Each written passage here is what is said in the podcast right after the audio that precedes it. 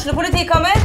Ine Jansen er purk. Er du purk? The motherfucking bitch. Alt jeg vil, er å finne ut hva som skjedde med mannen min. Jon Carew. Er jeg sikta for noe? Iben Akeli. Det er du. Ole So, Lars Berrum og Big Daddy Karsten. Hvem sin side er du på, egentlig? Anette Hoff, Tone Danielsen, Kommer du fra Afrika? Jørnis Josef, Nesten. Kløfta. Trond Espen Seim, Det er synd å si det, men det var feil mann som døde. Purk. Premiere tirsdag på TV2 Play.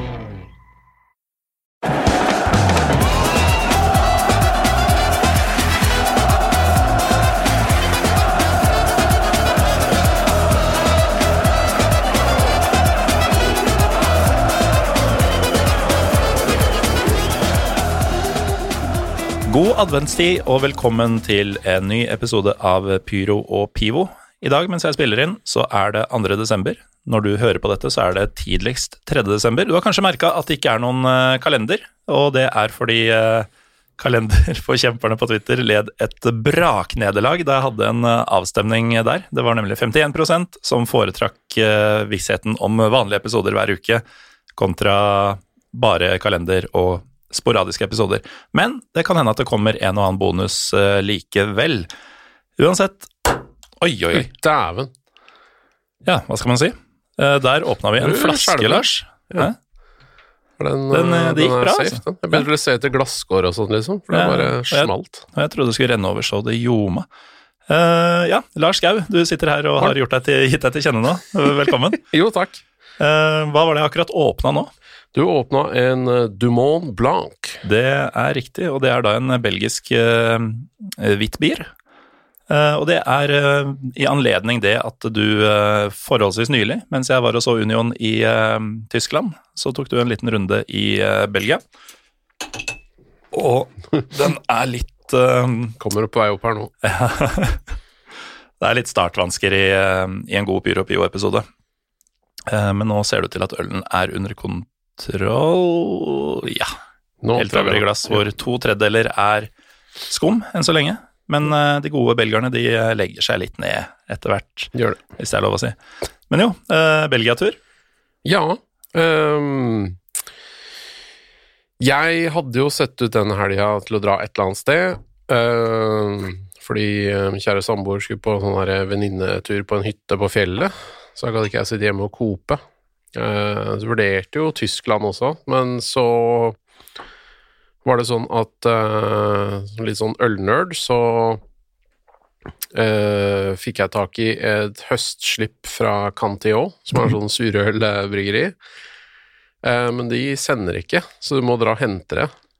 Altså, du eh, hadde rett og slett fått tilslag på en bestilling. Og veldig Nesten vinne et lotteri, nærmest. Ja, det er et lotteri. Mm. Uh, det er sånn som amerikanere flyr til Belgia for å hente og sånn. og derfor Eller- så måtte du selvfølgelig ta, ta en uh, tur til Belgia for å hente masse øl. Ja, og da sammenfalt det med at det var en del kamper i rimelig nærhet til Brussel. Mm. Det meste er jo rimelig nærhet til Brussel i Belgia. Det er det. Men, så da fikk jeg med meg fire matcher på tre dager. Det er god uttelling, det. Det er bra. Hvor mye pivo ble det på tre dager? Det blei en, eh, det ble en del, men eh, kanskje ikke så mye som jeg skulle ønske. Det er jo litt sånn eh, styr på stadion der og sånn, skal vi ikke komme tilbake til. Mm. Med sånne kort og greier.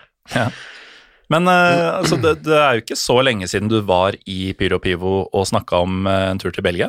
Har du blitt, blitt litt sånn belgofil? Jeg er litt fan av Belgia, altså. Jeg kjenner det. Det er, eh, det er fascinerende land på mange måter. Mm. To språk, ganske dysfunksjonelt eh, på en del måter, men det er liksom eh, mange fine byer, korte avstander, god mat, bra øl. Det er ikke så mye å mislike, egentlig, med Nei, Belgia. Fotballen har blitt merkbart bedre de siste 15 åra også.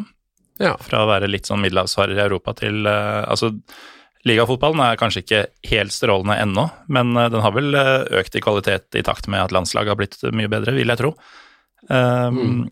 Selv om det kanskje ikke var liksom de eh, mest glinsende laga du så til enhver tid på denne turen. Nei, det var litt blanda drops der også. Men jeg Mm. har en, et mål om å runde Jupiler League, da. Ja, Så vi får se. det er hårete. Ja, er det så hårete? Altså, det er jo, det er, landet er jo på størrelse med hva da, Oppland og Hedmark, liksom. Det Det, hvor vanskelig er det egentlig? Eh, nå tok jeg jo fire matcher på tre dager, som sagt. Mm. Eh, Lengste reisetiden min var vel 40 minutter. Ja, nei, det er, det er gjørbart sånn sett, men det er jo Selv om det er lite land og små avstander, så er det jo relativt mange lag da, du skal harve over. Ja, det er en del lag. Og så er det jo noen som er litt sånn utafor allfarvei. Det kan være litt vanskelig med kommunikasjon annet mellom Flandern og Vallonia med tog, fordi at de har selvfølgelig sine egne nasjonale togselskaper, og de er ikke alltid helt eh, koordinert. Så hvis du skal krysse sånn, så er det litt vanskelig. Men altså, hvis du starter i Brussel, så, så kommer det deg stort sett ganske greit, uansett hvor du skal. Ja. Nei, altså Jeg har vært et par ganger i Belgia og hatt base i Brussel begge ganger. og Da har jeg tatt tog til henholdsvis Gent den ene gangen og Brugge den andre. Eh, uten å måtte bytte ved noen grense eller noe sånt. Eh, men det gikk jo knirkefritt. Tror det var en noen og 30 minutter til Gent og 50 kanskje til Brygge. eh, som selvfølgelig var videre samme vei. Mm. Og det er jo um, To ganske vakre byer. ja, vel verdt å besøke. Gent har du jo sett uh, sjøl. Det er på godt og vondt. Jeg ble jo matforgifta her, men det er en annen historie. Men denne turen så skulle du besøke et par byer du vel ikke hadde sett før. Og du, Ja. du starta rett på. Starta rett på. Eh, Jeg, eh, jeg fløy jo ned med fireflyet eh, til Brussel, og så var det rett på toget til Mechelen. Og det er, eh, det er på en måte Lillestrøm i, i Brussel, da. Høres nydelig ut. Ja, det, det, det er veldig, veldig Veldig, veldig flott. uh, nei, men altså, det er liksom Det er hva er det for noe, et kvarter fra flyplassen med, med lokaltog. Mm. Så, så er du der. Um, sjekka inn på hotell, og så dro jeg rett på matchen, som vel starta halv ni, tror jeg. Det er jo perfekt. Rekker akkurat å slenge fra deg og kanskje en matbete av en øl, og så ut på stadion. Ja, Det var akkurat uh, passe, og så sørga jeg for å booke et hotell som er sånn til at jeg kunne gå til stadion som ligger liksom rett utafor den gamle, gamle byen, da. Mm. Så det var ti minutter å gå bare fra hotellet opp til stadion. Så i Mechelen eller Mechelen eller Mechelen eh, så har de en gamleby, altså. For det har ikke Lillestrøm. Nei, det er kanskje Mekelen var kanskje hakket penere enn Lillestrøm, det må jeg eh, si. Selv om dere har jo noe trehusbebyggelse der. Det Det, har de ikke i Mechelen. Men øh, den byen var for så vidt litt kjedelig. Det var ikke så mye som skjedde der. det var jo fredag kveld, da. Mm. Så det var ganske tomt der etter matchen, men det kan vi ta etterpå. Um, dette var jo en kamp som var så godt som utsolgt. Så- Ja, for det var jo selveste Brygge som kom på besøk. Det Ja. var ikke Serkle, men klubb. Ja, de er jo svære, ikke sant. Mm. da, da var det litt sånn Jeg var litt bekymra for om jeg fikk ordna billett. Um, fordi uh, de hadde sånn greie på nettsidene sine. De er litt sånn dårlige ofte på, på nettsalg og sånn i Belgia. Ehm, så det informerer ikke så godt. Så da var det endelig hadde lagt ut billetten, og tenker jeg yes, og så trykker jeg den, og så får jeg legge billetten i papirkurven. Og så går jeg til betaling, og så står det at jeg ikke har sølv- eller gullstatus som klubbmedlem eller et eller annet sånt. Ja, det skulle bare mangle at du ikke har. Ja, nei, det har jeg jo ikke, så da måtte jeg vente, da. Men til slutt fikk jeg en av de siste billettene på matchen. Den er tydeligvis veldig big deal, mens andre matcher, da, sånn der mot Sintruiden og sånt noe, så, så selger de jo ikke ut, ikke sant. Så Mm. da, er jo, da driver de og gir sånne to for én-tilbud og sånn. Men uh, Brygge, da går folk mann av huset, da. Ja. Og de har mye, mye bortfans også. Mm. Så når jeg kommer meg inn der og finner den tribunen jeg, jeg skal på uh, Det er en uh, veldig kul stadion, må jeg si. Mechelen sin. Ja. eh, hvis man drar den opp på Google, så ser man en, en bane som er veldig, veldig bratt og intim. Uh, og ingen av tribunene er helt like, så de er, uh, det er veldig sånn underlig særpreg på den. Uh, men veldig bra stemning. Altså, det er jo ikke De har ikke noe særlig sånne ultras og, og sånt nå, men det er litt mer sånn Kanskje litt mer engelsk stemning, da. Mm. Eh, Sånn er det jo gjerne i Belgia. De, er, og de synger på engelsk. Mm. Brygger sanger på engelsk hele kampen, bortefansen. Det er sprøtt, altså. Ja, og det er liksom Og det er You'll Never Walk Alone og Come On You Blues og Ikke Mm. sant? Ja, så Vi har jo hatt uh, Hans Bressing, som er Antwerp-fan, altså Royal Antwerp. Um, Og han har også sagt at det, er mye, det går mye engelsk uh, på deres tribune. Veldig merkelig fenomen. Men det er muligens et forsøk på å distansere seg litt fra den derre overfranske franskheten i eh, det franske Belgia. Ja, de er vel ikke så keen på kanskje det tyske heller. Mm. Eh, så det blir, det blir jo på en måte De ser sikkert veldig til England, og det er jo litt sånn som vi gjør, ikke sant. Det, Eller har gjort, spesielt. ja. Men uh, apropos dette stadionet med, med bratte tribuner, den delen liker jeg godt å høre. Men eh, virker å ha et, både et uh, sponsornavn og litt eh, til. Uh, heter visst AFAS Stadion Achter de Kaserne. Mhm. Det funker ikke så bra i sang. Nei, jeg tror ikke de sang det. uh, men uh, altså, det, det er jo det er det det er sånn er i Belgia. Det er mye sponsornavn og, og sånt noe. Men akter de kaserne betyr vel noe sånt som ja, ved kasernen eller et eller annet sånt. Så det er tydeligvis noe sånn militær Bak i kasernen eller noe sånt. ja, Akterut. militærgreie. Men det, det var ganske um, Det var ganske kult. Jeg likte meg der. Eh, selvfølgelig, du må ha stadionkort da, for å få øl, og jeg kom jo rett før kampen, for jeg kom jo rett fra flyplassen. Ja, altså sånn Schalke-løsning at du må Eller Ajax-løsning, for den saks skyld. At du må kjøpe et eget kort, fylle på Eller med penger. Og det er det du bruker for å kjøpe ting i Et kioskene. sånt stadionkort. Mm. Um, og så, så jeg spurte noen ved siden av meg, da. Um, for det er noe som fordel i Belgia, altså alle kan engelsk. Ja, i hvert fall i den flamske delen. Ja, kanskje verre nedover i, i Vallonia, men uh, så Og de bare ja, nei, da må du ha sånn uh, stadionkort. Så bare ok, hvorfor jeg kjøpte det? Nei, fansjappa. Så bare ok, uh, den er stengt nå, for nå har kampen begynt. Så bare Mm. ok, da bare ja, ja. Så ble jeg sittende der, da, men de, de kjøpte øl til meg, så jeg fikk en øl. Uh, freebie. Det var jo veldig hyggelig. Det er ålreit. Hva, hva er stadionpilsen i Mekkelen? Hva Eller er det het? pils? Eh, Det er pils. Det er noe sånn uh, Mase Ja, eller et eller annet sånt. Mas. Ma, ja. Ganske streit. Sånn. Helt sånn vanlig tynn uh, eurolager, mm. egentlig. Men bedre enn Jupiler, som eh, du fort Ja. kunne fått. Den er ganske den søt, syns jeg. Eh, litt sånn uggen. Men eh, du, eh, du må ha møtt noen karakterer, da? Siden du drev og fikk øl gratis og sånn av de rundt deg? Ja, så jeg ble kjent med altså det er helt åpenbart at Altså, jeg var på en veldig sånn skal jeg si, en veldig engasjert sittetribune. Hvor det er mye familier og, og gamle folk og sånn, men det er ikke sånn som i Norge hvor de sitter med armene i kors og bare ser på. De er um, De er uh, Nå går det over er- stein for Galåsen her. Ja, det er rant over.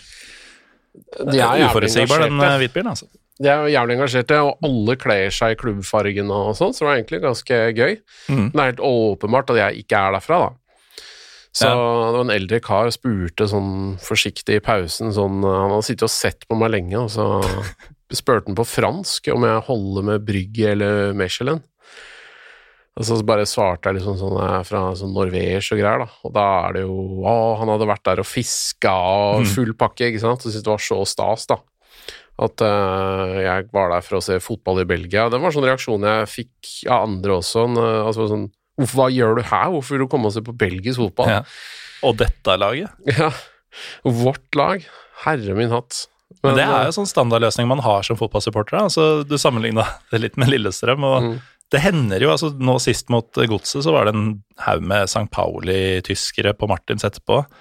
Um, det har vært italienere og nederlendere og engelskmenn og alt mulig der. og hver gang Hva i all verden de gjør der òg? ja, men Man skulle jo tro at uh, man blir vant til det på et tidspunkt, men Ja. hver gang så er det sånn Hva faen gjør dere her? altså, velkommen, men hvorfor? Ja, det var jo stort sett sånn det var med han her òg. Men han eh, Frank, som han het, han var 85 år og hadde gått på Mechelen-kamper siden han var ung. Mm. Uh, så han var 85? Han var 85. og Han var sprek enda. Og Mm. Han viste meg blant annet et sånt bilde hvor de hadde brukt han på en sånn derre sesongkortcelleplakat. Mm. Så han var veldig sånn prominent eh, klubbmedlem, da. Eh, Sikkert æresmedlem. Han vært, han har vært medlem av den klubben sikkert i 50 år, ikke sant? Ja, minst. Minst. Så eh, han drev og prata om at eh, som i gamle dager, og når de hadde derbykamper mot Racing Mechelen og sånn. Kom jo ikke jeg på det for etterpå, at det er jo der Odd Iversen spilte. Mm. Men eh, Så det var liksom rasing som var hovedfienden, da, mer enn eh, lag fra Valonia og sånn. Ja, for dette Mechelen vi snakker om i dag, er jo KV. KV Mechelen. Mm. Så Men uh, det er de som er gule og røde. uh, var de. Men det, mm, det Jeg tror det er lag med visse tradisjoner. Eh, så Ja, de har eh, husker jeg ikke farta hvilken europacup eller hvor langt det bar, men de har et sånn ordentlig europacupeventyr på, på 80-tallet en gang, tror jeg. Ja. Hvor de spilte kanskje en finale i cupvinnercupen eller et eller annet sånt. Helt sikker på at Nordlink kommer til å tweete oss ganske kjapt eh, med Han har stålkontroll sikkert på det. Så Men Så det var liksom bra trøkk, og folk var jævlig engasjert, og eh, jeg hadde sørga for å kjøpe billett eh, ved siden av bortetribunen, da. Mm. Så hadde det jo kanskje 400 fra brygget, med en liten sånn ultraklinge, sånn svartkledd klinge i midten, da. og engelske sanger. som synger på engelsk. Mm. Og det er på en måte, Man kan synes det er litt bondsk, og det hadde jo også Union Jack i bryggefarger, ikke sant. Eh, og sånne ting. Men så, sånn er det i Belgia, så jeg gidder liksom ikke å sitte og dømme de Men jeg registrerer jo at det er mye atferd der, og for øvrig også i Tyskland og en del land som vi ser opp til tribunemessig, hvor du ser en del atferd som vi kanskje heller ville assosiert med Kongsvinger og, og sånn, da. Sånn, sånn er det nedover i Europa, ikke sant. Ja, det er ikke bare gull og grønne skoger på tribunene i de større fotballnasjonene. Um, det derre You'll Never Walk Alone er jo kjempeutbredt før kamp på tyske stadioner, f.eks. Ja, ja, ja. Uh, massevis av det. Overalt. Og um, Nederland og Belgia også. Mm. Uh, men, Skåringsmusikk og masse ja, av disse fæle greiene. Det- hadde jo den derre I Will Survive-refrenget. Mm. oh, det også er det jo sånn 64 lag bare i Benelux, tror jeg, som, Ja, ja. som bruker. De elsker den der. Mhm. Så, men sånn er det, og jeg gidder jo ikke å sitte her og liksom irritere meg over det. Jeg syns det var fett på, på den matchen. Ja. Det var bra stemning, eh, faktisk, og eh, hadde jo særlig Jeg la merke til bortelaget Jeg var ikke opptatt på hjemmelaget, kjente jeg ikke igjen noen navn. Eh, var en på Twitter som spurte meg om en eller annen sånn brasilianer eh, spilte, som visstnok var en eller annen legende. Men eh, jeg, han spilte ikke, og jeg hadde ikke hørt om den, må jeg innrømme. Men uh, de hadde jo Simon Mignolet i mål på Brygge. Ja, Brygge var ganske stjernespekka. altså og Bas. Dost på Ja, topp. Min eh, favoritt Hans var naken på midtbanen. Uh, mulig det uttales litt annerledes enn det, men uh, det veit ikke jeg noe om. Jeg kan ikke flamsk. Men eh, så bra kamp. Du så uh, Brygge var litt mer ballsikre eh, og sånt noe, men Mechelen eh, var veldig raske kontraraskt. Mm. Eh, Brygge tok ledelsen, Mechelen kom tilbake. Og så var det, jeg tror det var eh, etter 86 minutter eller noe sånt, så ta, setter Mechelen 2-1 da, på en sånn der nydelig lobb over Mignolet, som muligens var en deflection, var på andre siden av banen, så jeg så det ikke helt, men da, da gikk jo folk av skaftet, ikke sant? Ja, Rob, Rob Skoofs med 2-1-målet. Ja. Eh, high five var Frank og greier. Da var han jævlig fornøyd eh, at jeg var der for å oppleve det og sånn, så det var bra. Frank 85 var eh, med på notene da. Han var uh, oppe og hoppa. Men altså, sein hjemmeseier eh, på en fredag kveld eh, mot eh, et av de største og beste laga i landet, Mm. det, da blir det vel en helvetes fredagskveld i Mechelen by? Det var det jeg så for meg. da. Jeg hadde jo ikke spist, så, for at jeg reiste jo til Gardermoen når klokka var to. Mm. Og så rett på flyet, og så, ikke sant. Så jeg, jeg må i hvert fall ha meg Jeg hadde veldig lyst på sånn stovflis, det fikk jeg senere. En sånn uh, belgisk stuing.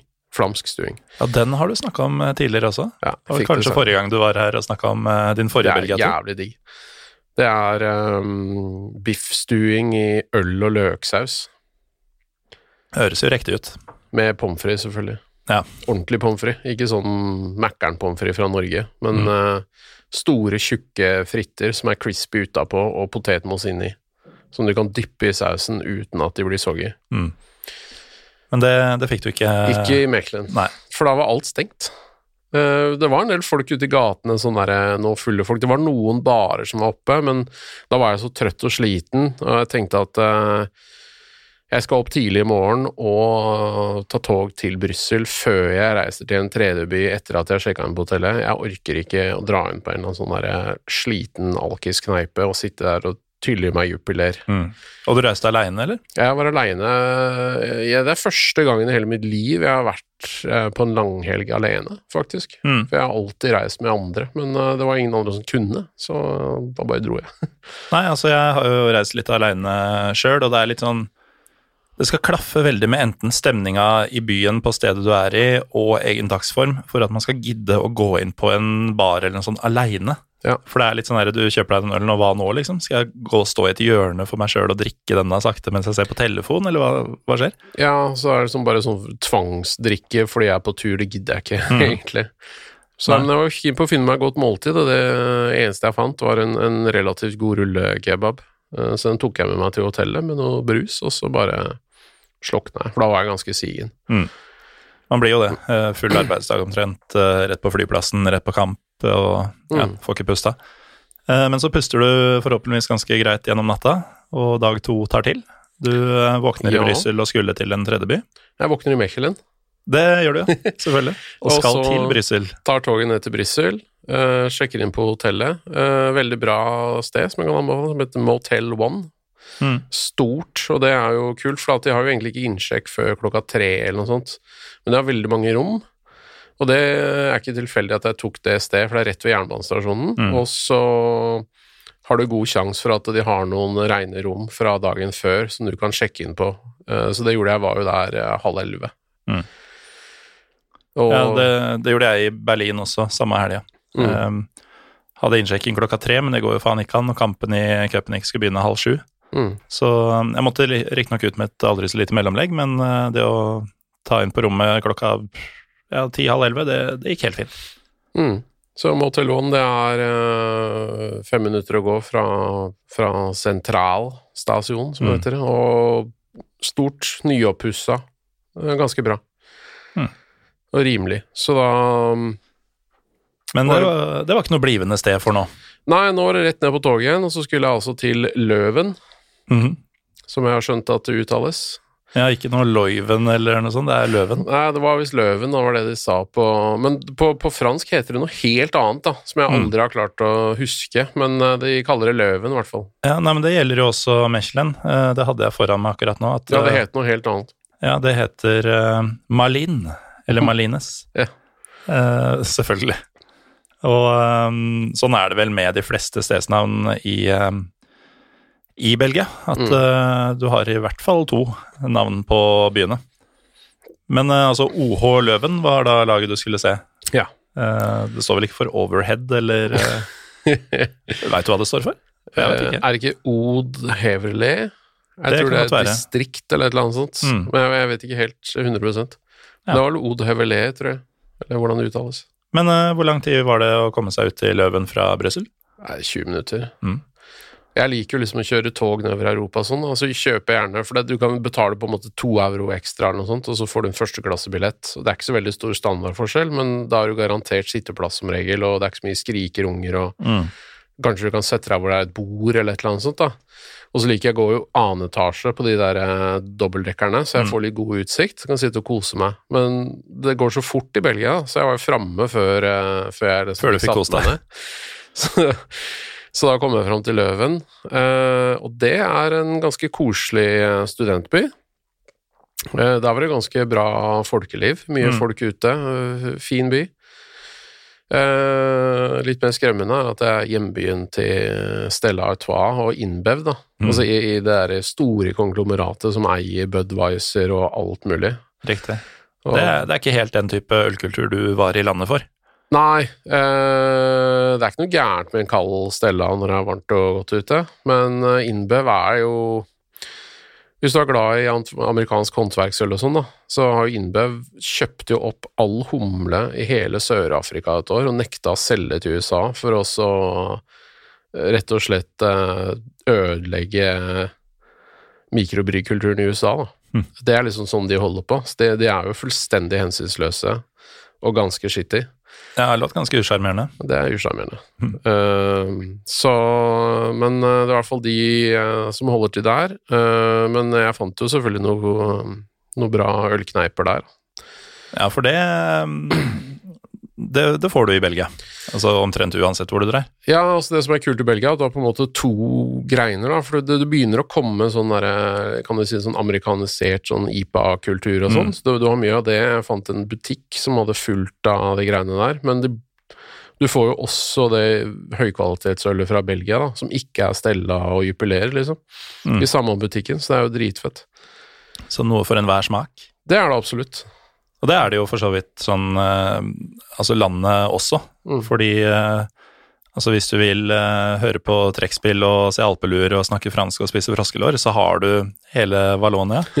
Eh, hvis du vil eh, prate engelsk med folk og spise den derre greia di, eh, Stoflis. stoflis, eh, og prate engelsk med folk, og kanskje havne i noe sånn basketak med noe britisk utrykningslag, så har du den flamske delen. Da har du den flamske delen, ja.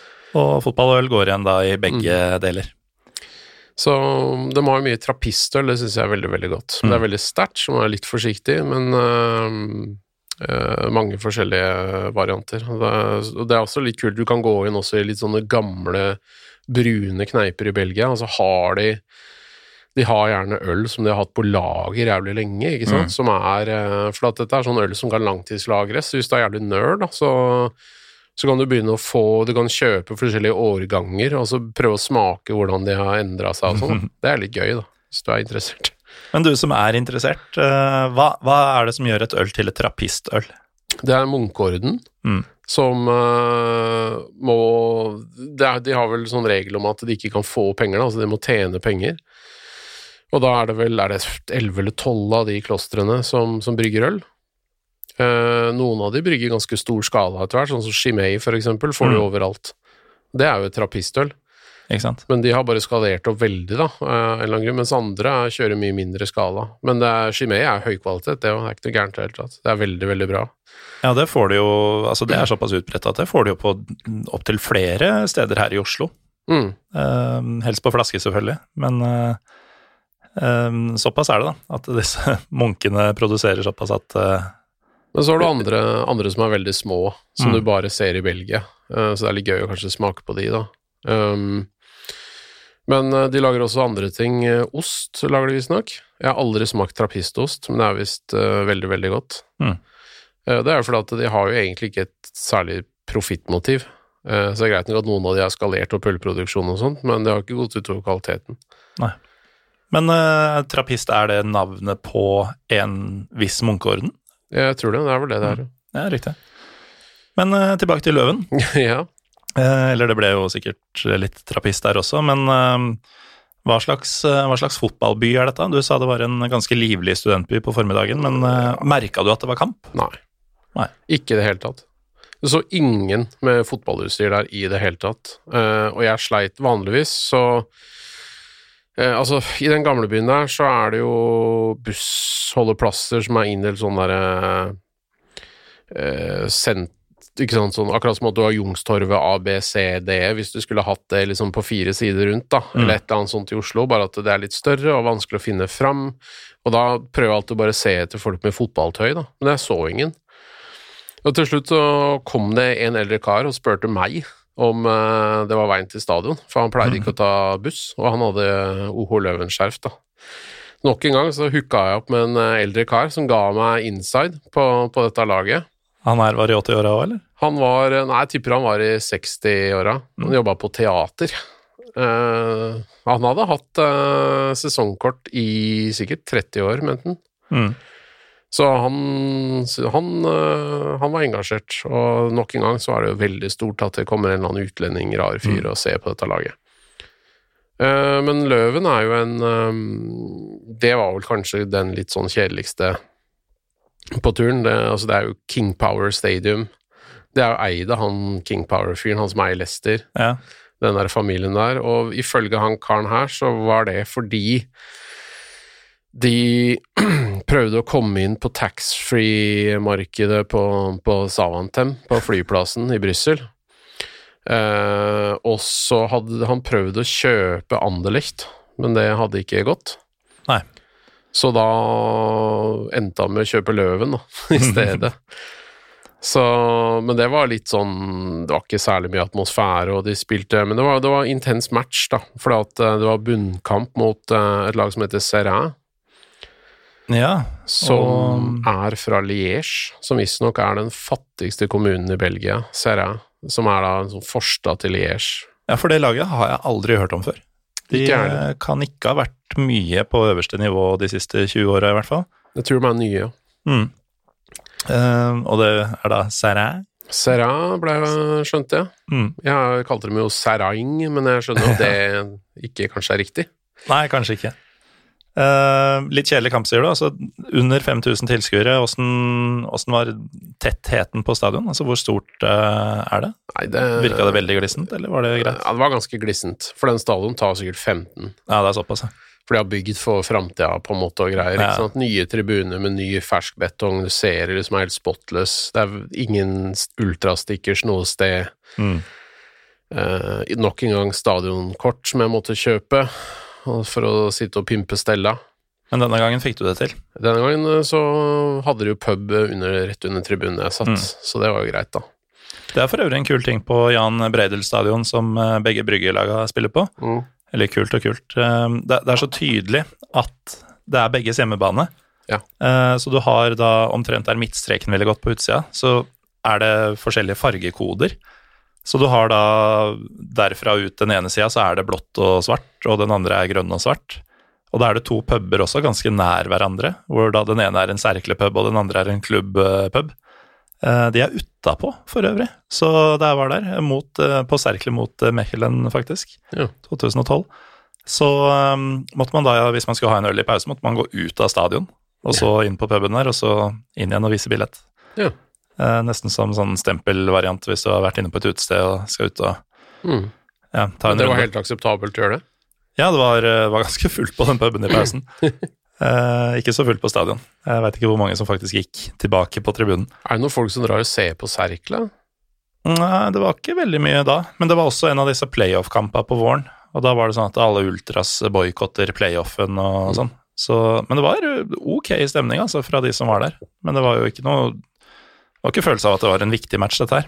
Jeg har på følelsen av at det er på en måte det er Sånn som den der Feyenoord har den der lille klubben ved siden av seg. Mm. Sparta? Ja, at det er på en måte Spartas i Mm. Brygge, da. Ja, det kan godt være. Men uh, fant du noe uh, holdt på å si sjarm i at uh, en uh, georger åpna skåringsballer for gjestene? Nei, det registrerte jeg ikke. Nei. Men uh, Var det noe annet sjarmerende med denne kampen? Altså, Den Nei. endte jo 1-3, så det er jo litt sånn Det var litt, jeg må det var litt gøy å se på de tilreisende fra Serrana. Fordi i hvert fall i dems målestokk så er det ganske langt å reise. Mm. Uh, og de var liksom 15 stykk som hadde sikkert dobbelt så mange vakter rundt seg som de Mhm. var. Det er veldig merkelig. Jeg føler det er litt sånn norsk vakthold på en måte der. At det er sånn, vaktene er veldig sånn eh, Syngende fotballfans kan være skumle, derfor så må vi stå rett ved siden av de og stirre på de inne på tribunen, liksom. Det er sånn mistenkeliggjøre hver eneste en i hvert fall i Løven. Det, det var åpenbart at de eh, kanskje ikke hadde så mye erfaring med, Mm. med syngende fans og sånn, da. Nei, for du, Du maler jo et bilde her av en eh, ganske, ganske døll klubb og døll eh, erfaring. og altså, Ja. det, det er få ting eh, jeg syns er kjedeligere eh, enn å altså For det første er du aleine, og så er du på en kamp som du knapt har hørt om, og i hvert fall ikke bryr deg om noen har laga. Det er litt sånn trøstesløst eh, stemningsmessig, få eller masse ledige seter, og så ender det også med ganske sånn til slutt en ganske solid borteseier. Ja, men det var litt komisk, for det, det siste målet der er helt vilt, da. Keeperen til Løven begynner å gå med ballen opp gjennom eh, midtbaneleddet. Eh, og så prøver han å dra av midtbanespillet, det gikk jo ikke, ikke sant. Og så bare klinker ballen i mål fra 40 meter. og da var det kroken på døra, så det er jo litt komisk. Men eh, nei, jeg veit ikke hva, de, eh, hva jeg skal si. Det, altså, det er ikke den kuleste fotballopplevelsen, men det er på en måte en opplevelse, det også. Um, det er ikke et sted jeg vil reise tilbake til, men det er litt sånn check, nå har jeg vært der. Ja, skal du runde ligaen, så må du jo innom steder som Løven og, Ja, og um, Mechelen. sikkert verre steder òg. Men uh, altså, hvordan gikk det videre? Da tok du selvfølgelig toget tilbake til uh, til Brussel ganske kjapt, vil jeg tro, siden det i hvert fall ikke ble, ville bli noen feiring etter 1-3-tapet mot uh, Serang. Ja, det var ganske langt uh, til togstasjonen. Da tok jeg Uber, faktisk. Jeg pleier å ta det som en sånn siste utvei. Da Mm. begynte det å bli jævlig kaldt, jeg gikk og frøys, og det gikk ingen busser som jeg fant. Og jeg var på feil side av byen i forhold til togstasjonen, så Mm. da, det hadde vært om 50 minutter å gå. Og da tenkte jeg at ok, da får jeg bare Det gidder man ikke. Da nå. betaler jeg heller 60 kroner for å kjøre Uber. Ja, men det må være lov. Jeg, jeg bruker Uber kanskje for mye når jeg reiser. Men eh, da blir det jo en helaften i Brussel i stedet. Da kunne du kanskje få i deg noe ordentlig mat eh, omtrent for første gang på turen. Ja, ehm, jeg kom jo dit litt seint, for dette var jo en sein kickoff, det òg. kampen Jeg tror ikke jeg var i Brussel før halv ti. Mm. Jeg gikk og fikk meg en ganske god burger, og så gikk jeg på et ehm, ølsted som heter Mauder Lambic, som eh, ligger i nærheten av den der Grand Place, Mm. som er ehm, Som selvfølgelig også har et annet navn. Uh, Gråte Markt. Gråte Hvis jeg skal være flamsk på det. Ja. Men i Brussel snakker du jo fransk, da. Det gjør de. Til de grader. Vi snakka litt om det før, uh, før vi gikk på her, at uh, de der franske Brussel-folka er så mye franskere enn de fleste franskmenn. Ja, Det er noen komplekser der. Det er veldig spess. Uh, det er også veldig spess, for det har vært i to byer hvor de snakker flamsk, og det er, det er 20 minutter reisevei. Og så er du rett i en sånn veldig fransktalende sted. Eh, Men eh, jeg syns Brussel er veldig sjarmerende på mange måter. Det kan være usjarmerende òg, men mm. jeg liker de derre Jeg veit ikke om det har noe med at jeg leste Tintin og sånn da jeg var yngre, og så trodde jeg at Tintin var fransk eller et eller annet sånt nå, ikke sant? Og så når du kommer til Brussel første gang, så er det akkurat som at du gjenkjenner på en måte de gamle bygningene som er litt skeive, måten kafeer ser ut, altså på en måte gategreiene, er, ligner fortsatt litt på på det som jeg har sett i disse belgiske tegneseriene. nå. Ja, og så har du jo Poirot, ikke minst, som eh, også blir regna som fransk helt Ja. til noen sier det til. Da blir det jævlig klart at uh, jeg er belgisk. Mm.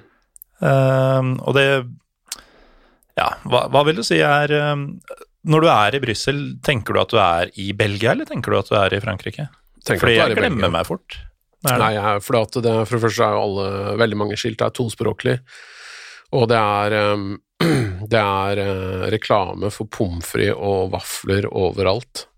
Og du har jo veggmalerier av Tintin og Smurfene og Lucky Luke og Sprint og alle de der tegneseriene, mange andre som ikke vi har hørt om her heller. Og så har du utrolig lite imponerende skulpturer. ja, Manneken Peace. Det er også en uh, skulptur av en, en gutt som står og tisser, Ja. som er liksom den største tisseattraksjonen i Brussel, og det er, bare en, det er bare en gutt som står og tisser. Ja, og det gjør den jo. Det er jo en fontene. Ja, Det står en stråle ut av penis. Men det er jo altså Hvis Sinnataggen hadde vært tissatrengt i stedet for sint, Ja. eh, det, det er liksom det eneste men. Det Og veldig sånn- Folk flokker seg rundt, altså. Boring, egentlig. Ja, han er på alle suvenireffektene og Det er helt absurd. ja. Men, Men uh, hvis du skal få et eh, tips til et bra ølsted, hvis du er og ser på Manniken Piss og står vendt mot uh, han gutten, og du da ser 90 grader mot høyre, så ser du en bygning med masse tråsykler hengende på seg. Uh, Den heter noe sånt som Punchenkelder eller noe sånt noe. Og hvis du går inn der, så er det lett å bli litt skremt, for der ser det ut som en sånn 1800-talls dukketeater. Oh. Med jævlig mye sånn der random, sånn der creepy dokker og sånn som dere henger rundt og sånn. Det er jævlig spesielt. ikke være for fyllesyk når du går inn. Nei, ikke gjør det. Ikke vær det. Men uh, der har du en av de beste ølmenyene i Brussel for uh, skal vi si, belgisk øl, altså trappistøl og, Mm. og sånne ting. Og Mindre turistifisert enn eh, gode gamle Delirium kafé, kanskje? Eh, ja, i hvert fall mindre britiske utdrikningslag. Mm. Det er mye turister her, men de har litt mer stil. Ja, de er der. Jeg har vært på Delirium kafé én gang. Jeg kommer aldri til å gå tilbake dit. Jeg. jeg hater det der Når folk begynner å dra av seg eh, Liksom stå i baris og Cam on lads og sånn, der er det bare fy faen, liksom. Jeg orker ikke. For uh, dem som ikke veit hva vi snakker om, så er jo da Delirium kafé en i hvert fall tre etasjer uh, treetasjers pub. Mm. Med, da jeg var der, så tror jeg de hadde 2400 forskjellige øl i uh, kjelleren sin. Uh, for en telefonkatalog, nærmest, med ja, som et oppslagsverk hvor du kan velge hva du skal bestille. Det er selvfølgelig helt umulig å forholde seg til. Ja, det går ikke an. Men når jeg var der, så var jo den stengt òg, da. Så var det bare den baren på toppen, hvor de har eh, seks tappegraner, og to av de er Stella, eller hva faen det er. Men eh, Delirium det er sånn ølmerke som nesten alle sikkert har sett, men veldig få tenker over. Det er de som har den rosa elefantlogoen. Mm. Og de er svære, altså. Til og med i, Brasil, altså i Rio de Janeiro, er det en Delirium kafé. Ja, og det er vel eh, Delirium Tremens heter vel den der bestselgeren deres. Mm. Nå er det talt innrømme at jeg ikke syns den er så god. De, eh, det har i hvert fall tidligere også vært mulig å kjøpe juleølet deres på polet i Norge. Jeg har ikke Mm. sett eh, etter det, for så vidt, men jeg har ikke sett det heller eh, så langt i år. Men eh, hvis man syns Delirium er et morsomt navn, og sånn, så kan man jo ta en titt. Noe av det de lager, er i hvert fall mulig å få tak i i Norge. Ja. Ganske enkelt. Det greiene der er jo en sånn partygate, en sånn blindgate, Mm. hvor de eier alle stedene på begge sider, tror jeg. Så det er bare en sånn deliriumgate som er full av sånne der, lads. Ja, og hvis jeg husker riktig, så er det rett over gata er jo sånn egen absintbar, Ja. som da også er i regi av dem, da. Eh, det er veldig lads. Aldri drikke absint, må jeg innrømme. Nei, du har ikke gått glipp av noe. Er ikke det Jeg mistenker at det er jævlig overvurdert greier. Ja, det er jo sånn anis, sånn lakrissmak-variant. Og så driver jo alle og tror at det er cannabis og sånn eller hva faen det er. Ja, så er det jo ikke det. Men det kan være jævlig sterkt. Mm. Eh, Men det kjenner du heller ikke så mye til, fordi det er liksom sånn søtlig. Det, det, er ikke noe, det er ikke noe gøy, egentlig. Nei, jeg dro på Mauder Lambik, jeg. Ja. Det er bra. Og der koste du deg. Helt til kuene kom hjem, holdt jeg på å si. Det var ganske tidlig på morgenen, det, på dag tre. Ja, da var det Nå var det jo litt orging, da, fordi at i og med at jeg skulle ha med øl hjem, så måtte jeg reise med koffert. Det, det er også en sånn Det er klart, hvis du har med en ryggsekk, så får du ikke den med inn på match heller, men Mm. planen var jo da å Altså, jeg gikk ned, sjekka ut, slang den i sånn bagasje-storage. Eh, og så rett på metroen, eh, ut til eh, Jeg husker ikke hva den metrostasjonen heter, men det, det er jo Heisel? Anderlecht. Heisel er vel Nei, det er en annen bane, er det ikke det? Er det ikke der Anderlecht spiller? Det tror jeg ikke. Jeg vet ikke om det er samme. Det er det i hvert fall kraftig bygd om. Den heter Lottopark nå, den da. Men det er vel Hva er det den egentlig heter, da? Ja, nei, Lottopark står det her, ja. Dette må vi finne ut av. Men du drar i hvert fall ut til stadion, da. Ja, jeg drar dit og kommer jo tidlig fram, øh, og øh, jeg er vel der sånn ved ellevetida. Tenkte å se på folkelivet ute. Anderlecht skulle spille mot øh, Hvem var det de skulle spille mot, da? Uh, Kortrik. Mm. Astrid Park er visst også et navn dette stadionet har hatt. Ja. I tillegg til tidligere at det har, hett Emil Verset stadion og Konstant van den Stock stadion. Ja, den er, det navnet er det jeg tenkte på. Ja. For det er sånn jeg har fra Football Manager. Ja. Det heter. Nei, da jeg, jeg har hele tida trodd at de spilte på Hazel, jeg. Nei, det, den bare tror jeg er ikke den revet. Jeg tror det er den, den er tror jeg borte. Hmm. Du, men uansett så var vi da der, og der er det jo um, øh, Der egentlig var jeg blei litt rann kjedelig, for det er sånn at jeg bare sto liksom på et gatehjørne for meg selv og drakk øl, på en måte. Mm. jeg er ikke så veldig kontaktsøkende, jeg har ikke noe behov for å på en måte møte folk og si sånn der 'hei, jeg er fra Norge, er ikke det kult?' og sånn. Det er mest bare Det er som noen prater til meg, da, på en måte.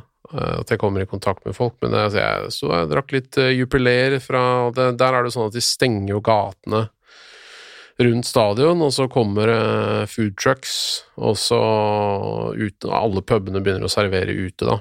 Så det er sikkert bra trøkk der om sommeren, men nå var det jo kaldt og surt, grått. Så var det litt rann, uh, kjedelig. Uh, drakk et par Jupiler og så på de greiene disse belgierne trykker i seg, og det er jo skremmende. Altså du bare har liksom en jeg tenker jeg, en monster size loff-bagett, som er da fylt med pommes frites, og så halvkilo majones oppi det. Ja, det er jeg glad i majones, altså. Ja, og så ikke nødvendigvis kjøtt. Du kunne velge om du skal ha pølse eller ikke da, oppi der. Men mange sto og spiste pommes frites i brød med majones. Kaloritelleren der, altså. Det er sånn jeg ser for meg. altså Husker du for noen år siden så var det sånn sak om eh, videregående elever på Sørlandet, tror jeg, som eh, kjøpte loff i storefri, Mhm. eh, dro ut innmaten, fylte med sørlandschips, og så var det liksom lunsjen. Eh, sånn uthula hvit loff til seks kroner med sørlandschips i. Fascinerende. Det høres nesten ut som en sånn psykopatversjon av det igjen, Ja, ja. fordi de hadde i det minste ikke stappa full av majones også, nei. og pølse eventuelt. De hadde også en del sånne dressingvarianter. Kunne sikkert dynge på med sånn Thousand Island og majones oppå pommes fritesen din. Ja. Nei, det... Og så grillkrydder. Der, er jo- der. Men det, det er så sjukt, for de har jo ganske peil på mat uh, i Belgia. Um, altså, den storflisen din er jo én ting, men Det er jo, altså De franske innflytelsene er jo til å ta og føle på, bokstavelig talt. Hvis du går rundt på ordentlige restauranter der, så er det jo ordentlig seriøse sånne bistro-varianter og sånn. Mhm. Men uh, de har altså sånn groteske lavmål, de, de unner seg også. Ja, så da Nei, jeg, jeg hadde sett nok på de folka, så gikk jeg med på stadion. Uh, satt jeg på, kjøpte, hadde jeg sete på øverste rad, faktisk, uh, oppunder toppen. Prøvde å få litt oversikt. Uh, her hadde jeg jo litt forventninger til trøkk og sånn. Dette er jo største klubben i Belgia, tross alt. Mm. Uh, med ganske god margin. De har Vincent Kompani som trener. Ja, det er i det hele tatt ganske mange kjente navn på banen også. Um, det er jo Wesley Hoot som uh, har spilt vel både i Premier League og, og i Serie A. Uh, Lisandro Magayan uh, spiller stopper sammen med han i den matchen. Han er jo kanskje ikke så kjent, men uh, for dem som så den derre Boka-serien, Boka Juniors-serien på Netflix for et par år siden, så var jo han en av karakterene som ble dratt fram der. Mm.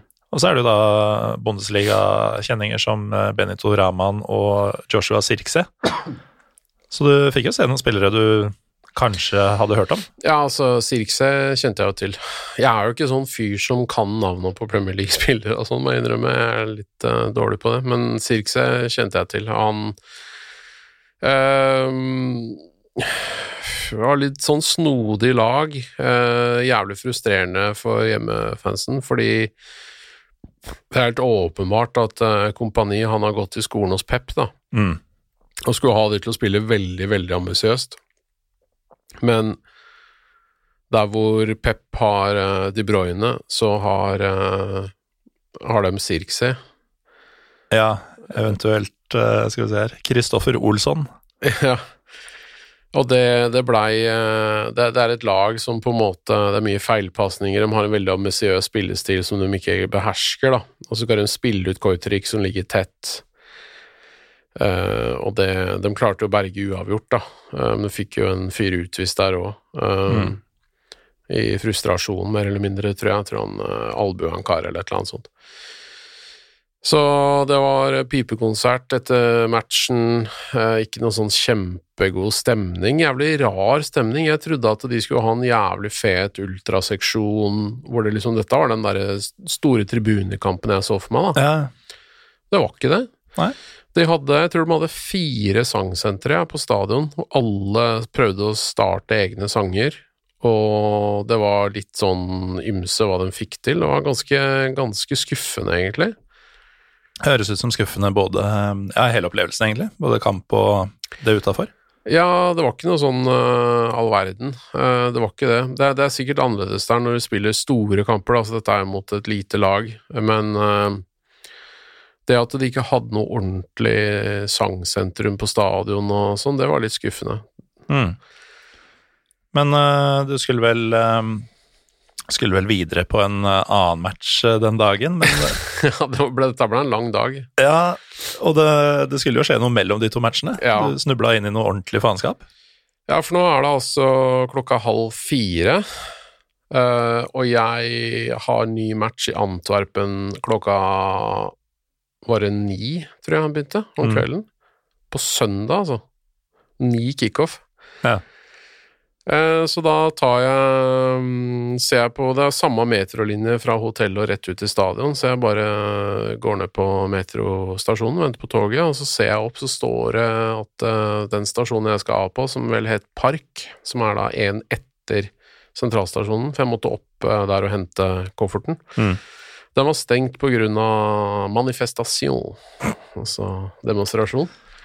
Ja, Sjarmerende demonstrasjon, skulle du finne ut. Ja, ordentlig sjarmerende, fordi da må jeg jo kjøre til sentralstasjonen, da, og så gå av der og så gå opp. Det er jo ikke så veldig langt. Og da er det trafikkork i alle retninger, det henger helikopter i lufta, og det er eh, eh, politibiler overalt, og det kjører ambulanser, jeg durer inn på hotellet og jeg tar ut kofferten og begynner å gå ned inn mot byen. Og så er det alle nedgangene til sentralstasjonen er sperra av sånne robocops. Mm. Og så hører jeg det smeller i sjokkgranater og sånn uh, borti gata der. Uh, og så Men sant, når du kommer der med koffert og sånn, det, du, du slipper jo inn, da. Så jeg, men, men du måtte gå inn hovedinngangen, da, så jeg måtte ta en omvei rundt hele stasjonen for å Mm. komme inn. Eh, og så bare løser jeg billett til Antwerpen, setter meg på toget, tima det med bare to minutter, så bare rett gjennom stasjonen inn. Eh, kjøpte jeg førsteklassebillett for å være sikker på at jeg hadde For det var sånn én euro ekstra eller noe, så da får du sitteplass. Og da bare sitter jeg der, og så kommer inn en hel haug med sånne antivaksere som hadde vært på demo, da, ikke sant. For det, Ja. dette var liksom de folka som går når det begynner å smelle. Uh, litt mer sånne vanlige mennesker Mm. i 30-40-50-åra. Um, så jeg sitter jo der, og så har jeg f.eks. for eksempel kvinnfolk sitter på andre sida, som da har hekla munnbind. For hun syns at det er kjempelurt, for da kan hun si at hun har på munnbind. Uten at det hjelper. Ja. Men da har hun lurt regelverket, ikke sant? Ja. Og skikkelig smøgg på grunn av det. Og disse andre får Altså, det var masse rare mennesker, og så ser jeg at noen av de har på seg gule jødestjerner. Eh, på grunn av at de selvfølgelig Det er så forfulgt. Det er like forfulgt da, som jødene var, eh, at noen prøver å gi dem en vaksine for å redde livet deres. Mm. Og da jeg sitter her, og så bare Det bare kokte i huet. Jeg var så jævlig rasende. Eh, Jeg har vært i flere sånne leire, og det bare Det gjør noe med deg, faktisk. Eh, Og det, det var så provoserende. Jeg var så jævlig sint. Og som en god nordmann, så Hvordan reagerte du? Eh, Jeg vet hva, jeg var faktisk ganske på hugget, men de gærneste folka, de satt ikke, inn i min, satt ikke i min første klasse kupé, så de sto lenger ned, men jeg fikk øyekontakt med, med et par av de, og da bare liksom rista jeg på huet og så litt sånn oppgitt ut og sånn, men de, de er sikkert så vant til det at de, de, Mm. de sa ingenting, da, men jeg, jeg var forberedt på liksom hva jeg skulle si, og så bare tenkte å begynne å spørre sånn har du vært i Auschwitz, for eksempel? Mm. Altså, du, du aner ikke hvor jævlig avtalt det er at du har på deg den stjerna, og sånne ting, men det, det, var- det blei liksom ikke noe, så jeg bare ok, da slipper jeg å krangle om det. Men jeg tenkte også at hvis jeg får korona på den jævla turen her, så er det nå. Mm. Jeg var den eneste i den hele den togvogna som hadde munnbind. Så jeg var jo gærningen, da, ikke sant? Jeg blei jo liksom Folk bare sånn, hva er dette for noe? Åssen er regelverket der, da? Skal du, du skal ha det? Ja, og, de, og det er jævla strengt. Så Mm. når konduktøren kom, så dro alle på seg. Fordi hvis ikke så ringer han politiet, ikke sant. Mm. Men med en gang eh, den, de, han hadde gått forbi, så var det liksom av og sånn, så drev de med å flirte og sånn, og så drev de med å streame opptøyene da, på mobiltelefonene sine, og Mm. smilte og lo og syntes dette var skikkelig kult, liksom. Nå får vi ordentlig gjennomslag, dere. Ja, nå viser vi dem. Eh, Og nærmest heia på disse her folka, da, som antageligvis drev og, og banka opp politifolk der nede. Jeg bare fy faen, ass. Av alle duste ting du skal Mhm. riot over, så er det at noen prøver å gi deg en vaksine og redde livet ditt. Ja, og, Så- og de tvinger deg ikke engang. Nei, det er det verste. Men altså, vi hadde jo demonstrasjon mot maskebruk når det ikke var påkrevd maske da, i Oslo. Altså, jeg er kanskje ikke så mye bedre, men vi, jeg har ikke sett uh, jødestjernene rundt armer og sånn eh, Jeg ennå. har hørt det, men eh, det, det, de, jeg tror ikke de fleste tør ikke. Nei. Men vi har lysglimt i Johansen her, da, så vi, vi, vi har en del av de greiene vi òg. Det er mye gærninger der ute, som vi alltid sier i Pyro Pivo. Ja. Oftest med positivt fortegn, men ikke denne gangen. Nei. Eh, Så nå var jeg the odd one out, da, som hadde maske på meg. Så, men de, de forsvant eh, på holdeplassene holdeplassen oppover, så ble jeg litt tynnere etter hvert. Kommer fram til Antwerpen, bare komme meg ut av den der eh, smittebobla på toget. Eh, Da må jeg bare si togstasjonen i Antwerpen er den mest fantastiske togstasjonen jeg har sett noen gang. Jeg så en eh, annen eh, tidligere Pyro Pivo-gjest, eh, forhåpentligvis kommende også, Leo Doria. Ja.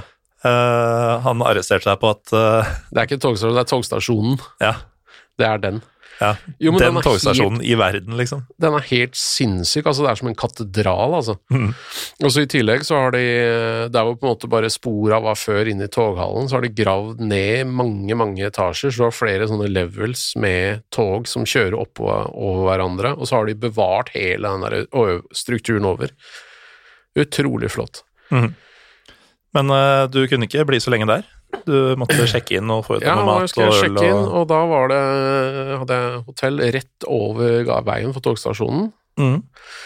Du har Også, så- tenkt eh, logistikk eh, store deler av turen her. Ja, men jeg har sittet og sett på sånn kartet på hotellstål.com og sånn. Mm.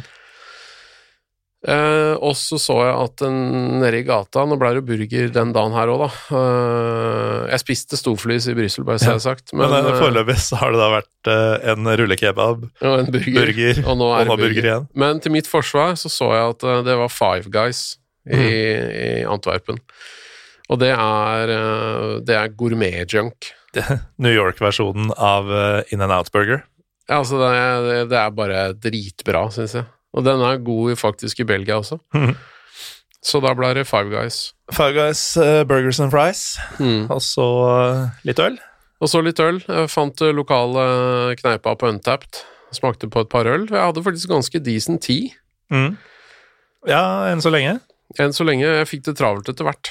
Mm. Fordi uh, da skal jeg ned til Beershot. Og det er halvtime med trikken, cirka.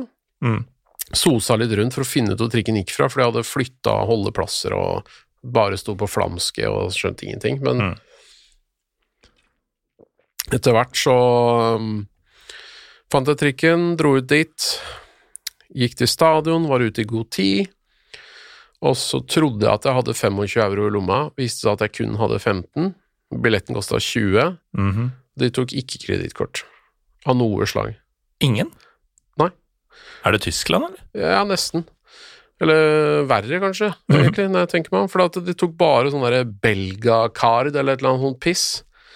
Så de tok ikke Visa, ikke Mastercard. De hadde 15 euro. De hadde ikke minibank eh, i nærheten der. Så da Nå var jeg glad for at jeg har gått ned en del kilo under forrige lockdown. For nå måtte jeg ut og løpe, og da løp jeg til en minibank som jeg fant på Maps etter å ha spurt masse folk. Ingen visste hvor det var, alle bare du har, 'Nå har du problem'. Mm. Jeg mangla bare fem euro, da, men jeg gidder jo ikke å gå der og be folk om penger heller, ikke sant. Jeg er turist fra Norge, jeg vil på fotballkamp, kan jeg få fem euro? Så nei, jeg løp, og så løp jeg, løp jeg, løp jeg, og så fant jeg ut hvor det var minimakken navigert på Maps. Mm. Tok ut spenn, tilbake, og da ser jeg pyrorøyk eh, hvelve ut av stadion, Som du ikke fikk sett, som jeg ikke eh, fikk sett. flammen til?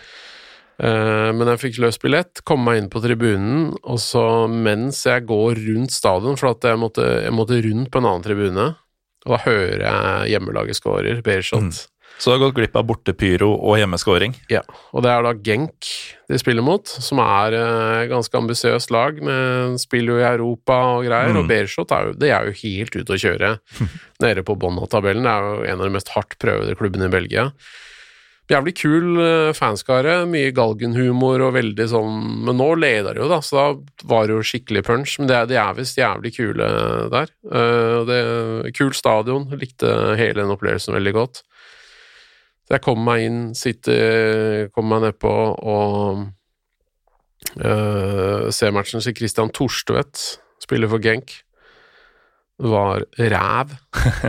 Og det er så godt å høre. Jo, men han var virkelig, virkelig dårlig. Uh, endte med å lage frispark i hver eneste duell, stort sett. Uh, traff ikke med noen særlige pasninger. Gult kort fikk han, da. Ja. Kunne fått to ganske radig der òg. Han burde egentlig få utrolig mange flere kort enn han får. Mm. Bare på ja, på væremåte. Så ja. Eh, bortefølget var ganske lite, men veldig lydhørt. Der var det ordentlig hardcore ultras. Når du sier ganske lite, snakker vi et par hundre, eller hva legger du i det? Ja. 200, kanskje. Mm. 250. Og det, men det var ganske gærne. Det var sånn som kasta bangers på motspillere ute på banen og sånn. Og det syns jeg er kanskje litt i overkant. Jeg syns ikke vi skal påføre fotballspillere hørselskader. Ikke engang Nei. uh, nei, altså, Genk er vel eh, Nå har jeg ikke de tallene foran meg, men jeg tror det er Standard Liège som har det høyeste tilskuersnittet. Og så lurer jeg på om Genk er nummer to eller tre på den. De er svære, i hvert fall. Mm. Uh, og de er vel uh, den nest største klubben i Vallonia. Jeg tror de er fra Vallonia, er ikke det?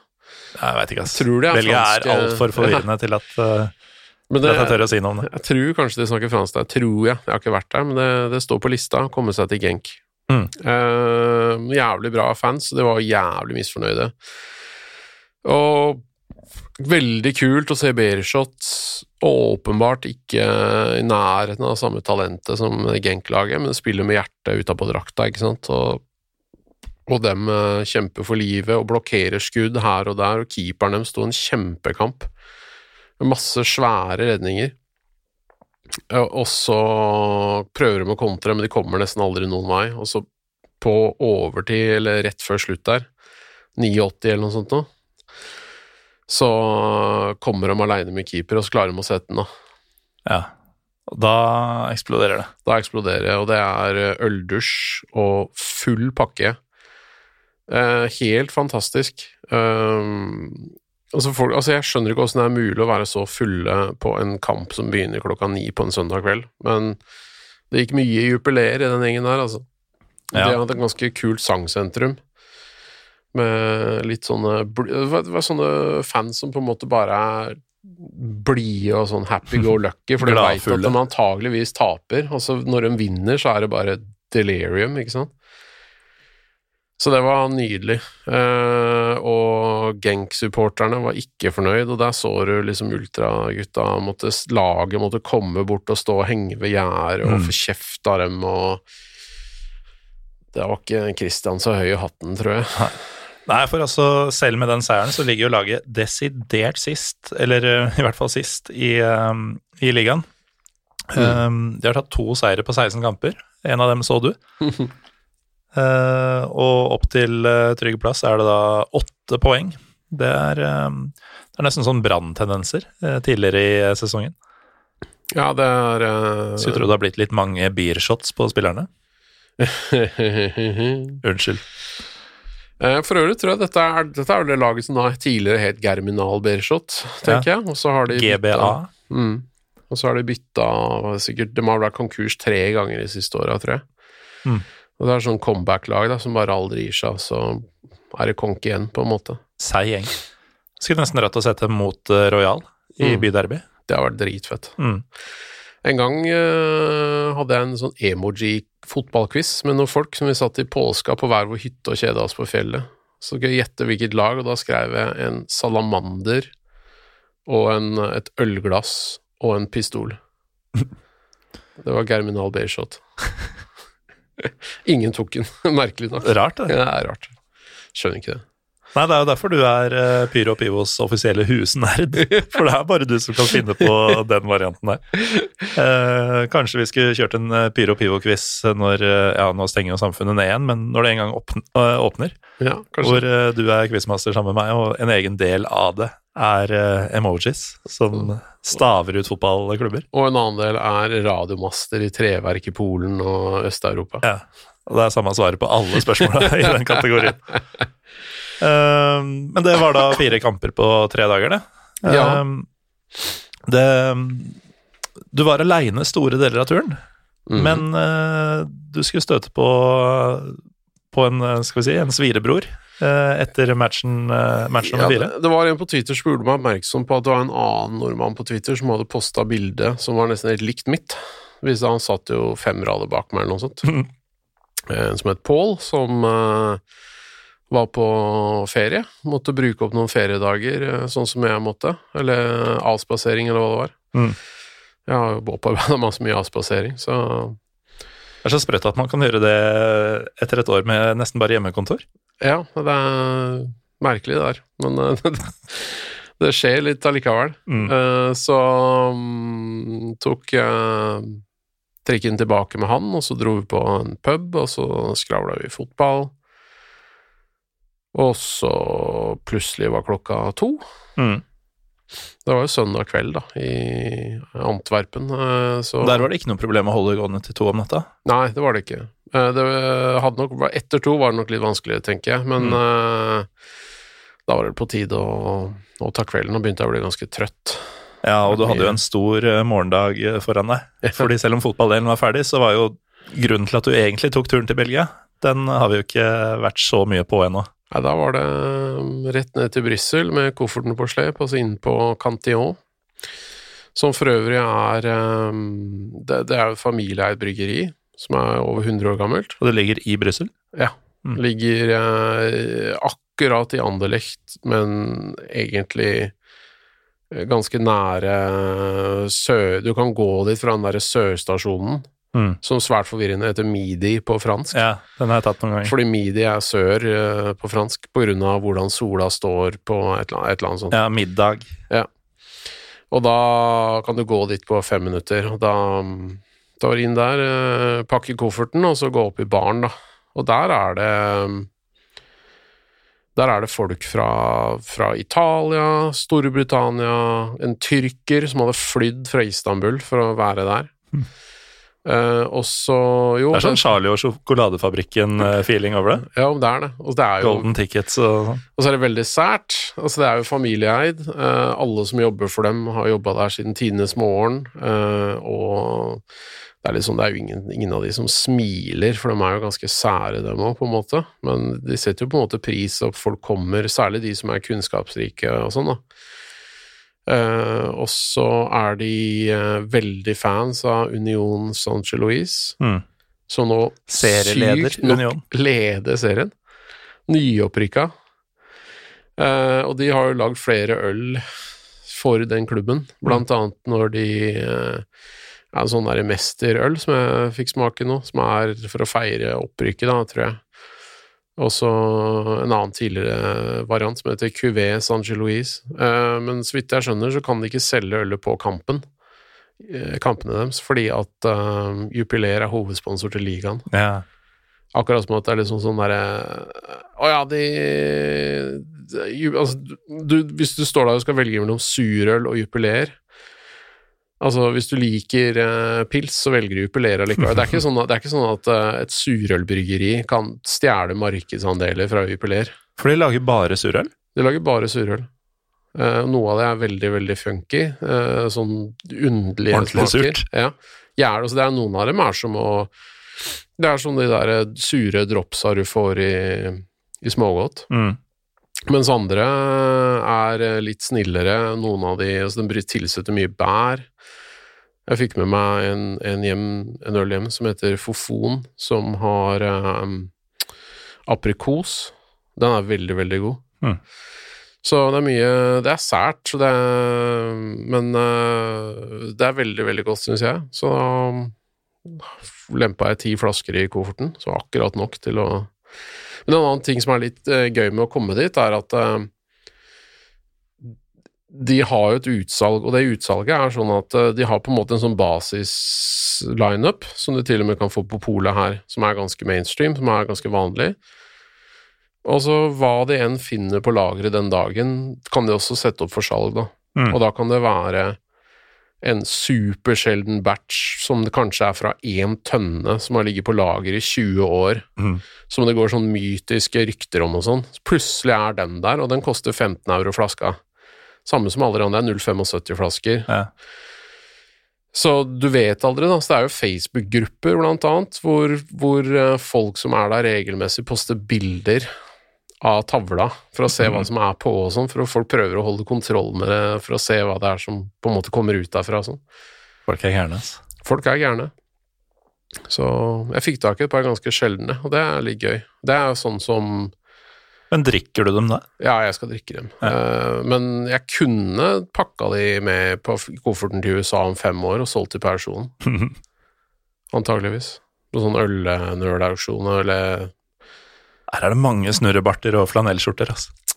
Jo, men det er ikke sånn hipstergreie i Belgia, skjønner. Nei, men i USA så er det det. Ja, der er det det.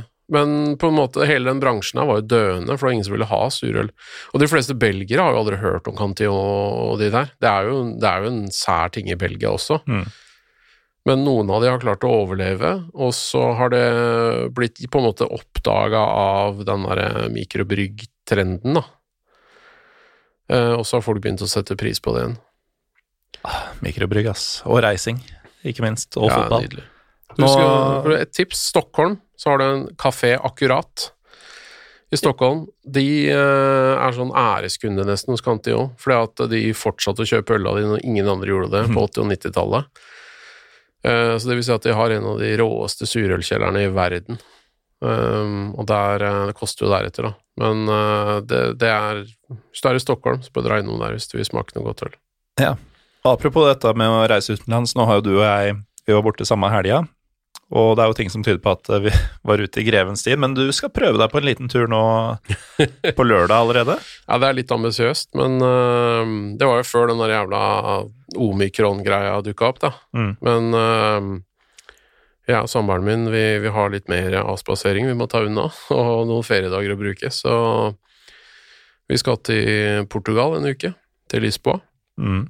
Og da har jeg fått ordna billetter til Benfica mot Dynamo Kiev.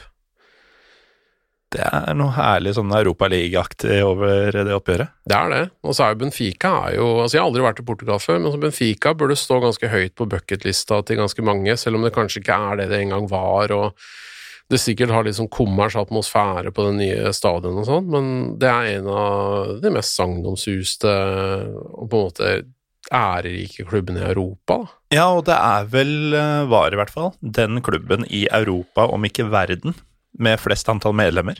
Ja, Så sånn sett verdens største klubb. ja en av verdens største klubber. Mm. Og så hadde de Eusebio, og så har du en av verdens kuleste tradisjoner, da, med den der, at de flyr den derre ørna inn i stadion. Det er litt kult, syns jeg.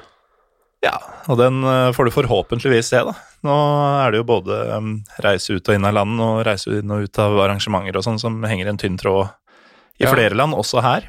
Jeg har sett tiltakene der, ser ut til å holde, men uh, vi må teste oss der nede da, for å komme Mm. på kampen. Så jeg bare håper ikke at det byr på problemer, siden vi er utlendinger. Men uh. Nei, vi, vi krøsser fingra for deg og Bente, Lars. når folk hører dette, er sikkert fasiten allerede ute. Kan godt være. Uh, og det får man jo da først høre på Twitter, hvis man følger eh, at eh, skogviff. For Mm. jeg tror gleden eller frustrasjonen ved en eh, avgjørelse vil komme ganske fort ut Det er eh, der. sikkert ventilert der, men det er også litt sånn dumt. Jeg, føler at jeg veit ikke om jeg vil drive og klage så jævlig Hvis jeg blir forhindra for ting i å reise nå. Eh, Det er litt sånn dust å drive og klage på råd, på en måte. For at det er jo en risiko, det er en kalkulert risiko jeg tar. Jo, jo. Så Det- det er på en måte min egen skyld hvis det ikke går. Så jeg skal ikke drive og sutre, det skal jeg ikke. Nei, det, jeg ser den, men samtidig, det er jo det er jo noe man har investert i og sett fram til og håpa og inntil nylig trodd skulle gå. Så det er jo Ja. lov å bli skuffa. Mm. Men jeg er villig til å underlegge meg alle reglementer, så testing og alt mulig, og det er eh, smittesporeskjema som skal fylles ut, og masse greier. Til eh, dere som ikke skal til Portugal, så er det fortsatt norsk fotball å se. Eh, Hvorvidt man får lov å gå lenger, har jeg egentlig ikke sett, for det kom noen nye greier rett før vi gikk i studio. Men eh, hvis mulig, så frys deg gjennom både én og to serierunder og noen kvalikkamper hvis du har muligheten, fordi den norske fotballen er faktisk eh, fetere enn selv Beershot, eh, Lars. Den er kortreist, økologisk, eh, ekte fotball. Det Den er så økologisk, da. Eh, Bortsett fra i Molde og i Start, da. Men eh, nok om det. Takk, Lars Kau, for at du var med oss og delte av din eh, lang weekend på egen hånd i Belgia. Bare hyggelig. Takk til eh, deg som hører på, for at du hører på. Jeg heter Morten Galaasen. Vi er Pyro Pivopod på Twitter og Instagram. Nå skal jeg tørke litt ølsøl av bordet, og så høres vi neste gang.